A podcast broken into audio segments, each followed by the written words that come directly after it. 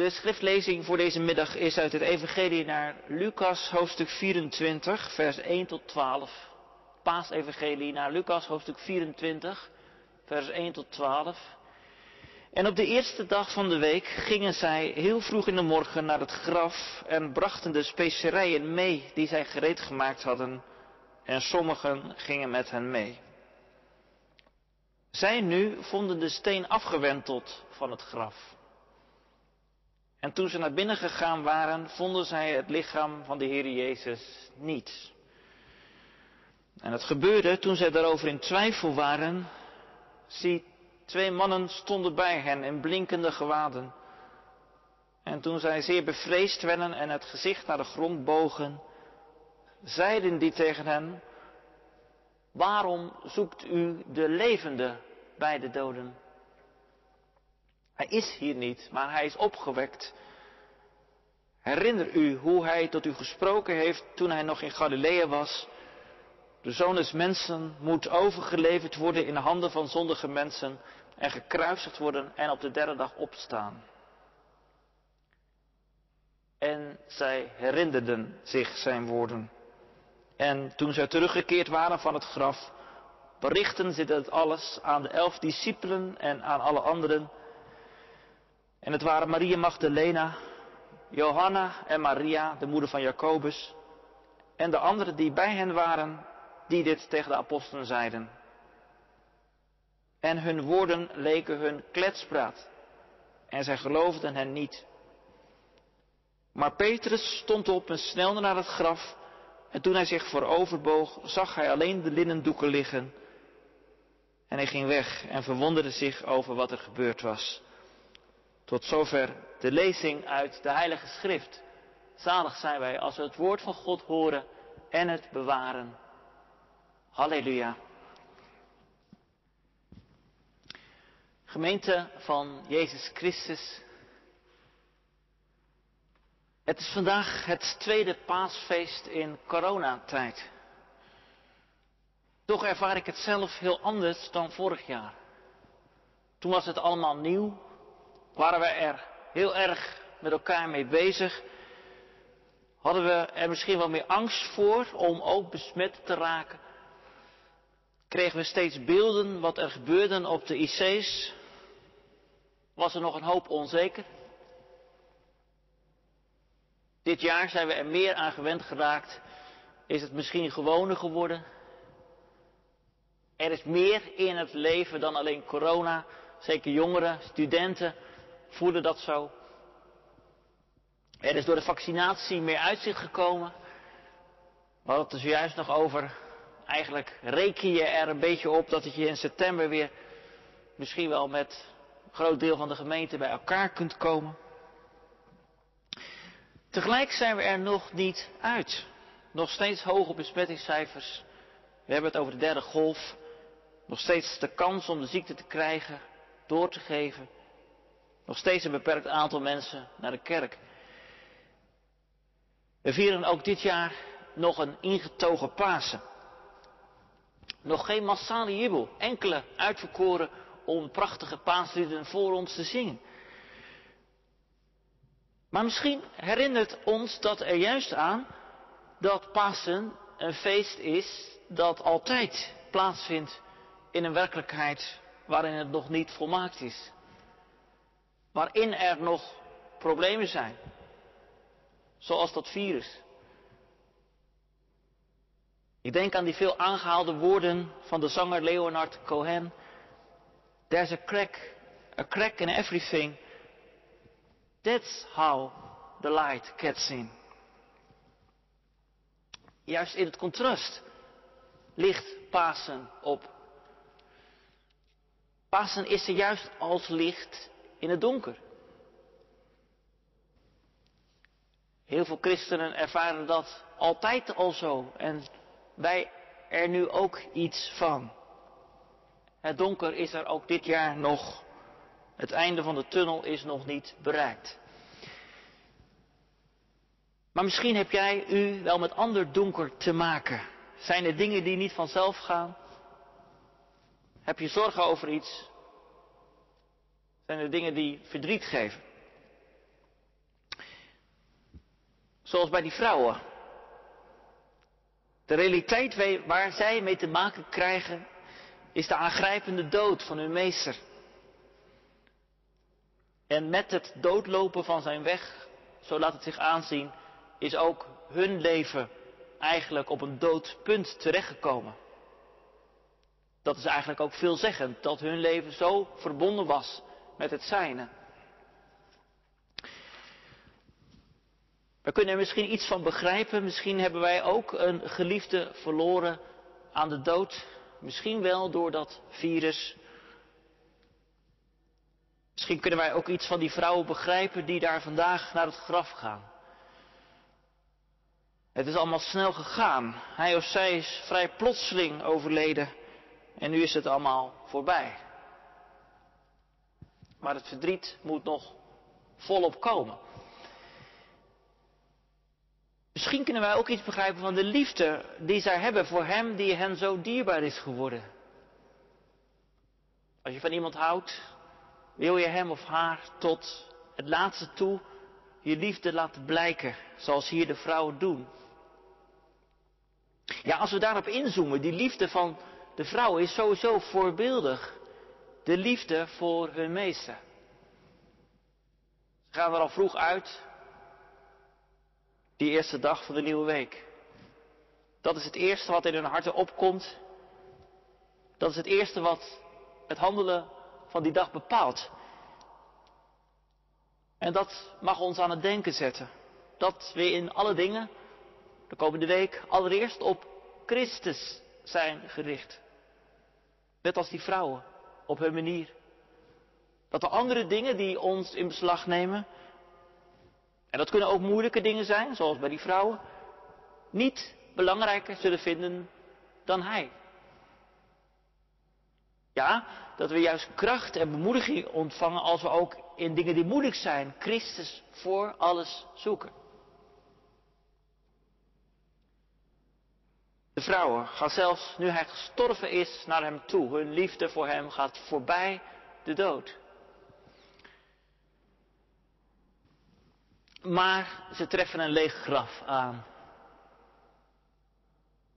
En in de verwarring die dat oplevert, worden ze meteen bijgestaan door twee mannen met blinkende gewaden, die tot hen zeggen, waarom zoekt u de levende bij de doden? En ik vind deze vraag zo diep.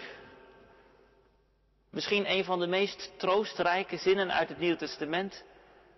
Het ontroert me, die vraag. Waarom zoekt u de levende bij de doden? Waarom ontroert mij dat nu? Wij denken dus als mensen dood is dood. Het is voorbij.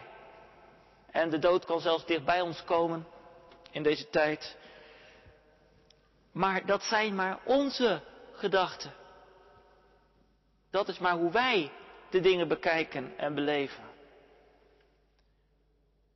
Maar vanuit hemels perspectief ziet het er heel anders uit. Veel optimistischer. Veel zonniger. God is veel verder dan wij. God, Jezus, is veel verder dan wij. Hij is de dood voorbij. Hij is hier niet. Hij is hier niet meer.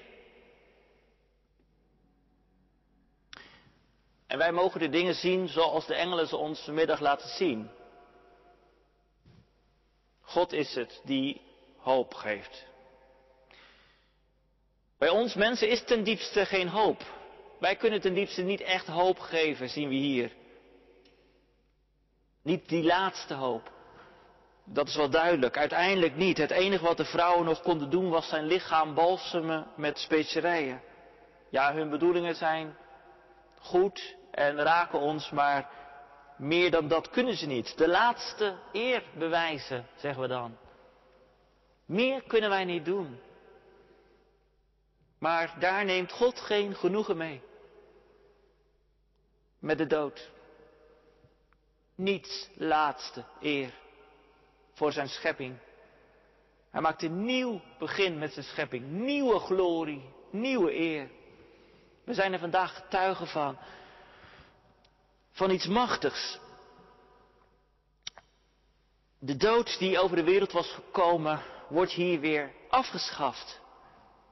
Het is voorbij met de dood. Het mag voorbij gaan met ons verdriet en onze zorgen, omdat er vandaag een nieuw perspectief is. Een nieuwe schepping. Bij God vandaan. Ja, daarom is er hoop. Hij is opgewekt. God heeft ingegrepen. Het kan niet langer zo zijn dat de dood oppermachtig is. Hij laat ons niet alleen met onze problemen. Hij laat je er niet troosteloos mee zitten. Het is paas. Een nieuw begin mogelijk.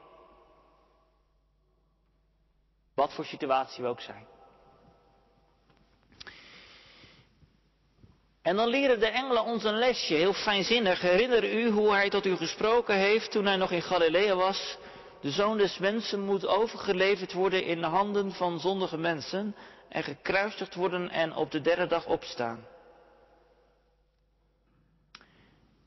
Ik hoor hier twee dingen in.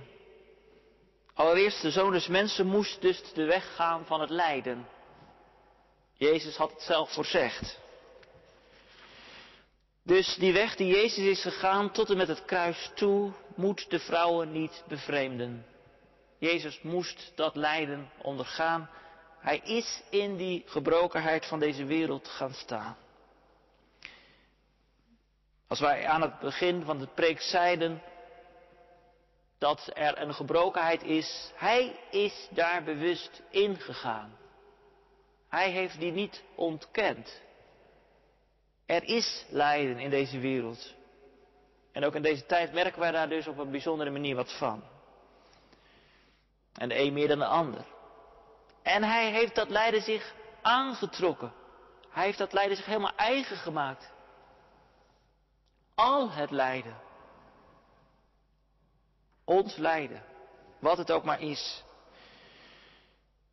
Dat die engel verwijst naar het lijden op Pasen van Jezus mag ons troosten. Jezus heeft ons lijden, het lijden van de mensheid, serieus genomen. Bloedserieus. Hij heeft dat lijden gepeild in zijn diepste diepte, tot in de wortel toe. Ja, meer, hij heeft aan het lijden geleden tot in de diepste diepte. Hij heeft zijn lichaam totaal kapot laten maken voor ons.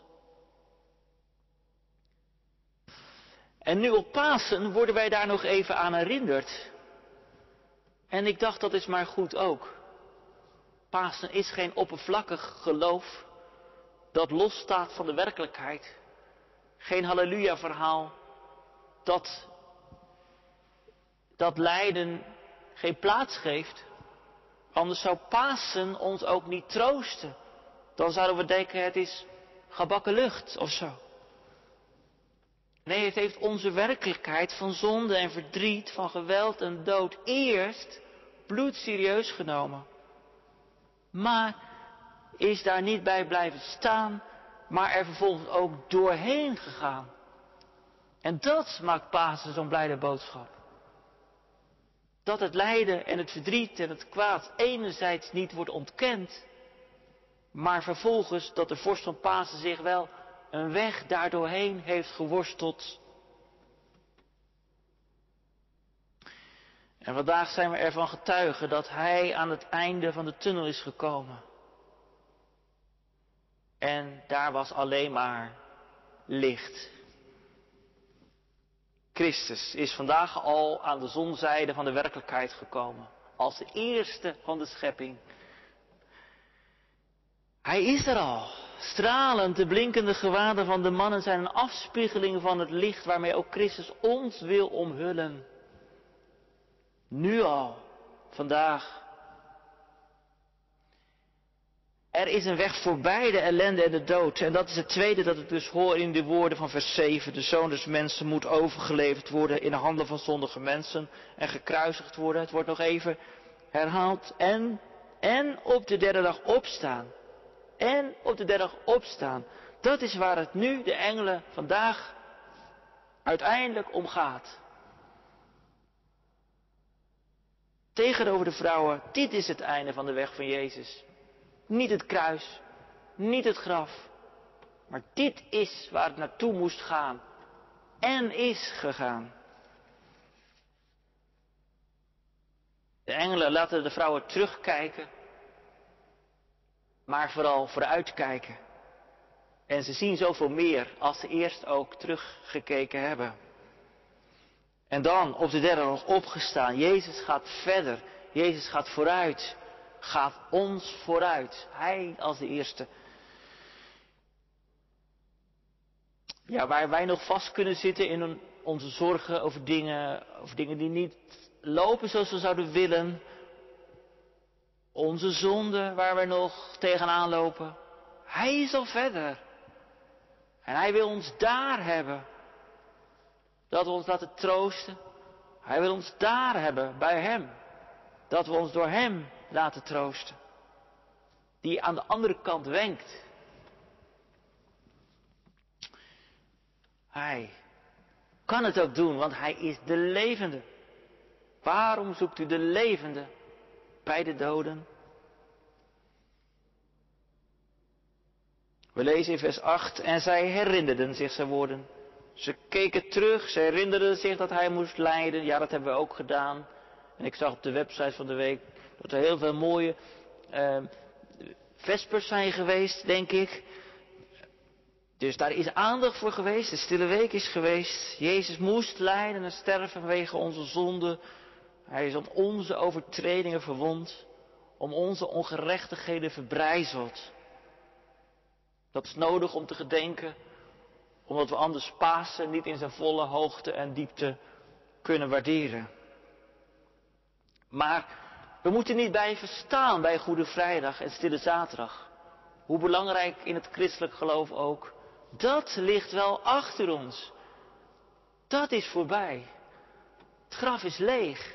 Paas is wel een ander feest dan Goede Vrijdag. We mogen vooruitkijken.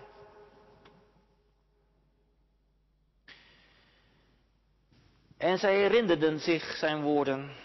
Dat is belangrijk voor ons, dat wij steeds weer de woorden die God tot ons spreekt, ons in herinnering laten brengen. Daarom ook goed om hier vanmiddag te zijn en laat die woorden u steeds in herinnering brengen, ook de komende week, komende maand. Ik denk ook in deze tijd van het coronavirus. Leven wij in deze tijd dicht bij de woorden van de schrift? Of zakt het een beetje weg? Herinner je in het lijden van deze tegenwoordige tijd, zoals Paulus schrijft, dat hij gezegd heeft dat hij moest lijden, maar daarna opstaan uit de doden. Wij kunnen zo kijken naar de omstandigheden. Ik ervaar dat zelf wel zo, dat je omstandigheden heel erg in beslag kunnen nemen. Maar dat het dan nodig is dat tegen je gezegd wordt door de engel, herinner je nou wat er in die Bijbel staat. Herinner je wat God belooft in de schrift. Hij belooft dat hij alles nieuw zal maken. En hij wil ook jou een nieuw schepsel maken. Het is Pasen. Dat is het eerste bewijs dat hij zijn belofte waarmaakt. Herinner je, leef steeds vanuit wat je ontvangt vandaag in de woorden die God tot je spreekt. Laat je bemoedigen door de belofte dat Hij soms door de moeite van het leven heen nog nieuwe wegen naar de toekomst baant. Want zo is het, met het geopende graf ziet alles er anders uit. Alles. Want de dood was het ergste.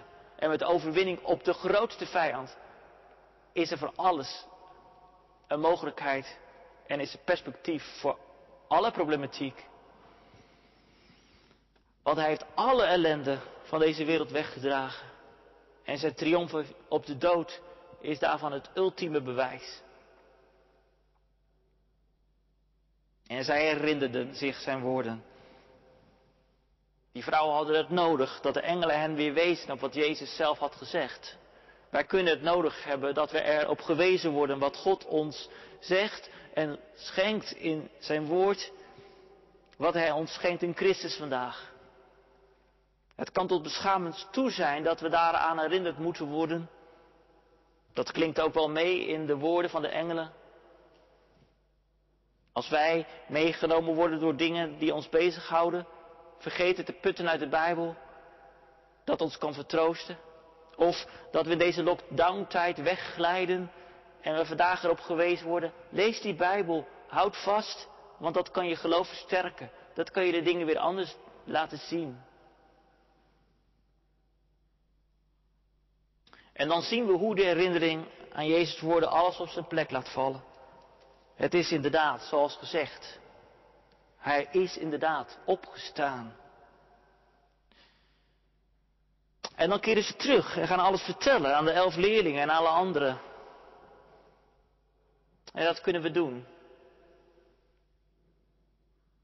Kerk wil een missionaire gemeente zijn. Vertel het maar. God houdt zijn woord. Ik ben ervan overtuigd tot het diepst van mijn hart dat het leven sterker is dan de dood vanwege de levende. Wij hebben een ijzersterk verhaal. Vertel het maar. God is verder dan wij mensen denken. Met de dood is het niet voorbij, maar met de dood zelf is het voorbij. Of dat je zegt, ik ervaar de kracht van Christus opstanding in mijn leven. Ik ervaar het. Ik mocht een nieuw begin maken. En dat kwam omdat God mij daartoe de kracht geeft. Dat zijn toch dingen die je kunt delen? Het is Pasen. Pasen betekent dat alles gaat naar het licht toe. Die weg is onomkeerbaar, want het graf is leeg. En het kruis is leeg. De weg naar Gods stralende toekomst ligt open, want het graf is open. Vertel het. Er is toekomst. Wat zijn we gelukkig dat ons dit vandaag wordt verzekerd door Gods engelen. Amen.